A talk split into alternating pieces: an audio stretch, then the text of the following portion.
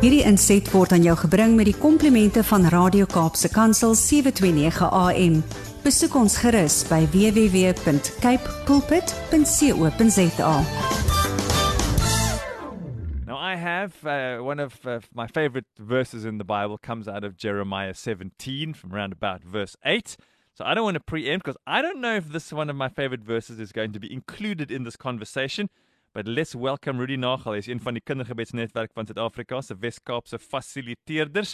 Goeiemôre. Jy laat my glimlag vanoggend. Goeiemôre Rudy. Môre Brad en uh, goeiemôre aan elkeen wat luister en jy slaan die spyker op Ah. sy kop. Daardie Jeremia 17:7 Aha. en vers 8. Jy is jy is presies op koers. Dit is net vir my baie lekker om te weet dat jy uh jy jy is op dieselfde golflengte. Daar's hy. So kom ons gesels. Kom ons hoor waarvan jy praat en ek is ek kan nie wag om te hoor van Jeremia 17. Dis regtig een van my gunsteling verse. Uh Brad, ons uh, tema is is ek 'n droë stok of is ek 'n floreerende boom? Is ek 'n droë stok of 'n floreerende boom? En um, in die algemene lewe as as iemand jou vra hoe gaan dit, dan sê jy goed dankie of mens het so 'n 'n geoefende antwoord want jy Hmm. jy, jy wil beleefd wees en jy wil jy wil daarom net die die buurmanskap uh, handhaaf en so aan. So ons het vinnige antwoorde en ons glimlag en ons, ons gaan aan. En um, dit is goed sodat ons goeie maniere het.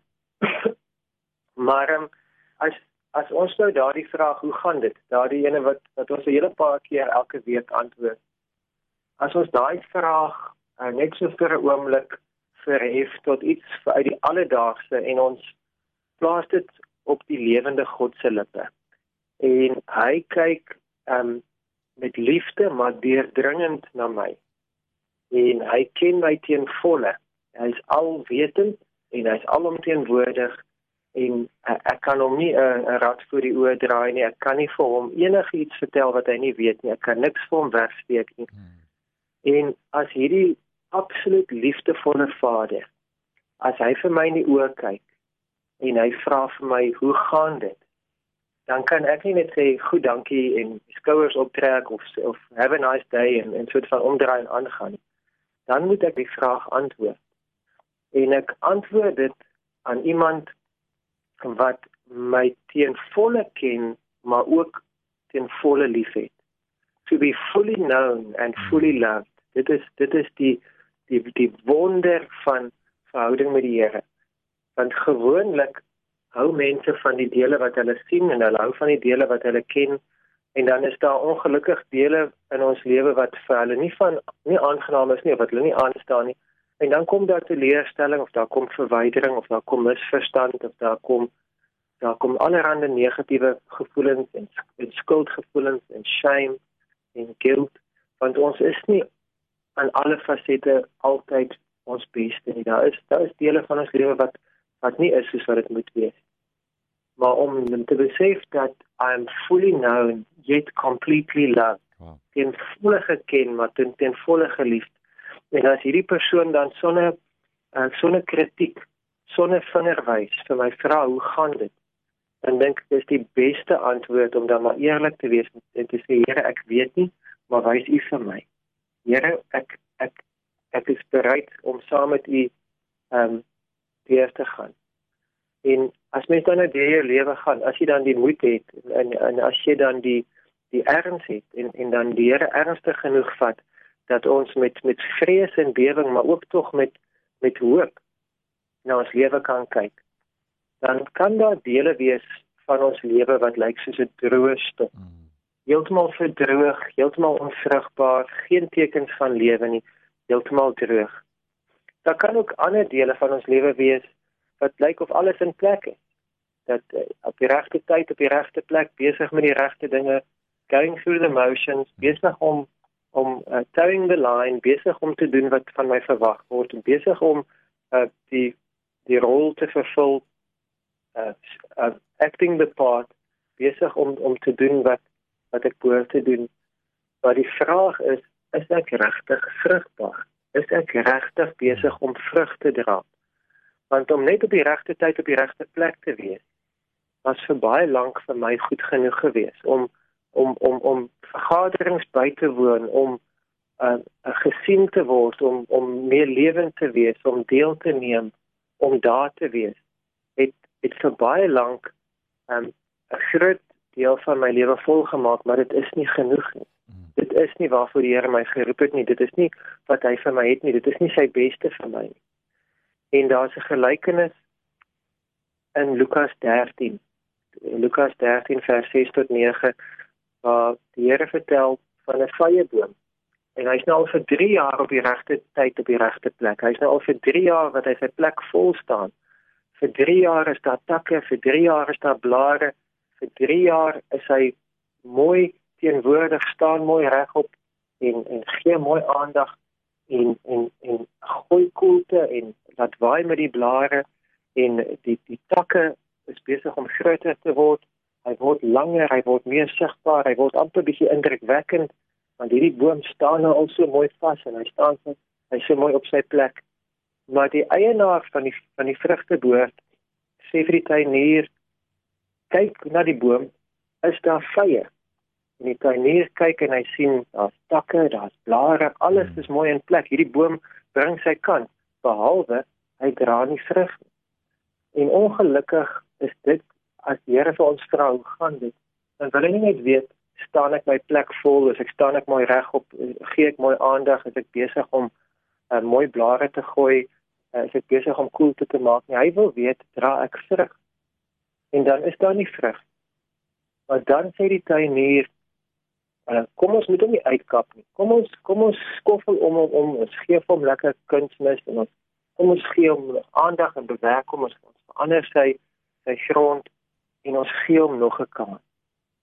Want dit is die hart van Jesus. Dit is die hart as hy na ons kyk en hy sien dat uh, my lewe is nie alles wat dit kan wees nie.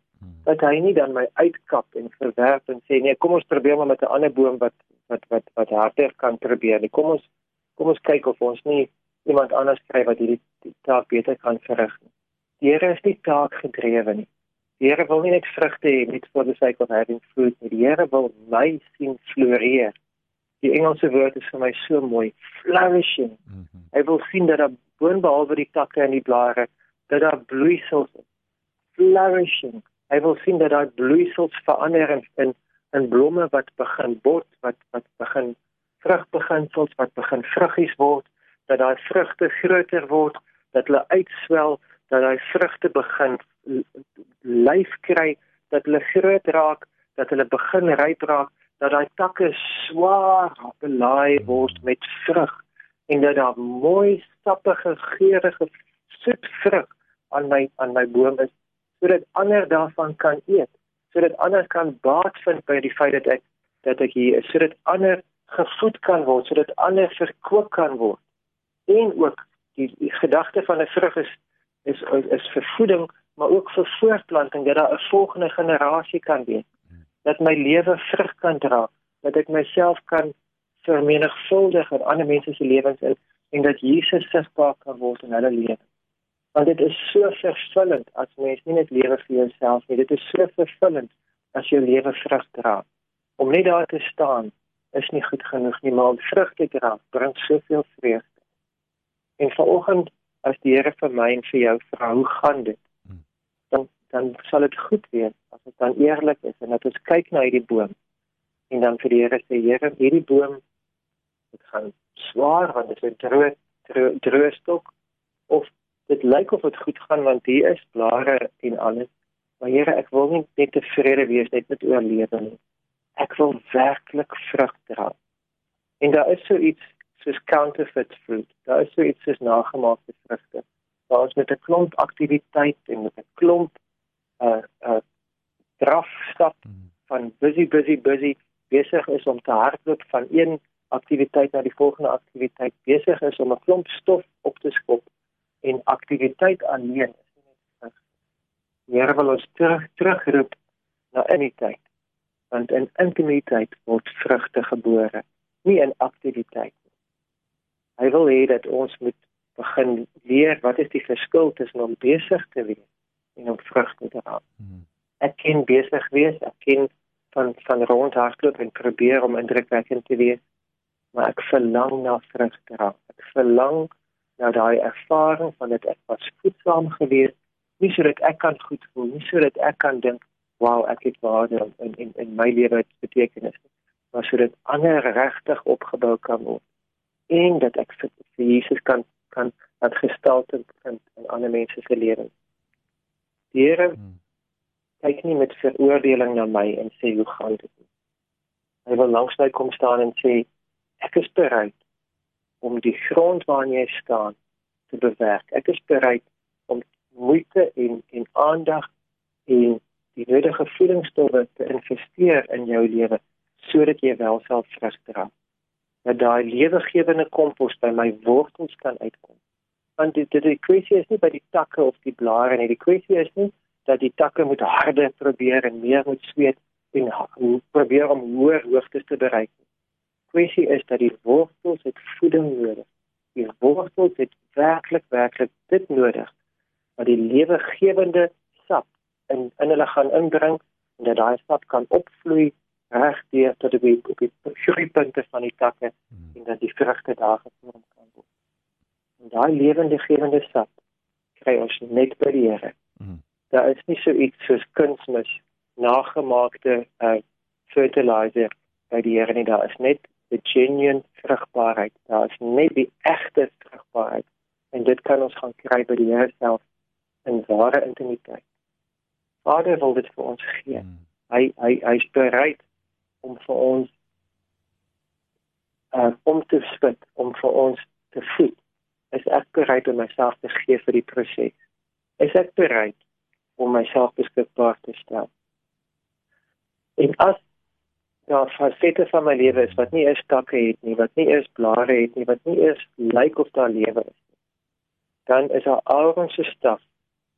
En en memory 17 is vir my so 'n wonderwerk, so 'n uitsonderlike gebeurtenis gewees. Moses moes vir die leiers, die 70 leiers in Israel uh, naderroep en uh, hulle nodig gehad om te weet wie is werklik die die aangestelde, wie is die die gesalfde leier onder hulle. Uh, volgens volgens die die die verhaal tot daartoe sou dit Aaron wees, Aaron as hoëpriester, maar die volk het nodig gehad om te weet is Aaron nog steeds God se keuse. Hmm. En elkeen van daai 70 leiers het 'n staf gehad. En Moses het gesê kom sit daardie staf hier by my voete neer. Moses het, het elkeen van die stawwe gemerk met elkeen van die manne se name en daai stawwe is ingevat in die tabernakel in en oornag in die allerheiligste het hulle daar gesit. Die volgende oggend het 'n droë, lewelose staf nie net gebord met bloeisels nie, maar ook amandels gedra. En dit is 'n wonderwerk dat minder as 24 uur later 'n dooie stok nie net geblom het nie, wat al reeds so wonder is, maar ook vrug gedra het.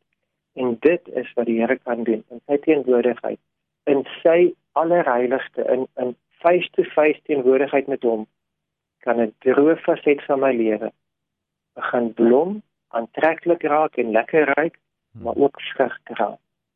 Maar daarvoor moet ons onsself gee aan die Here. Kom ons bid saam. Here, ek vra dat wanneer iemand in alle onskuldigheid selfs in alle opregtheid ons vra hoe gaan dit?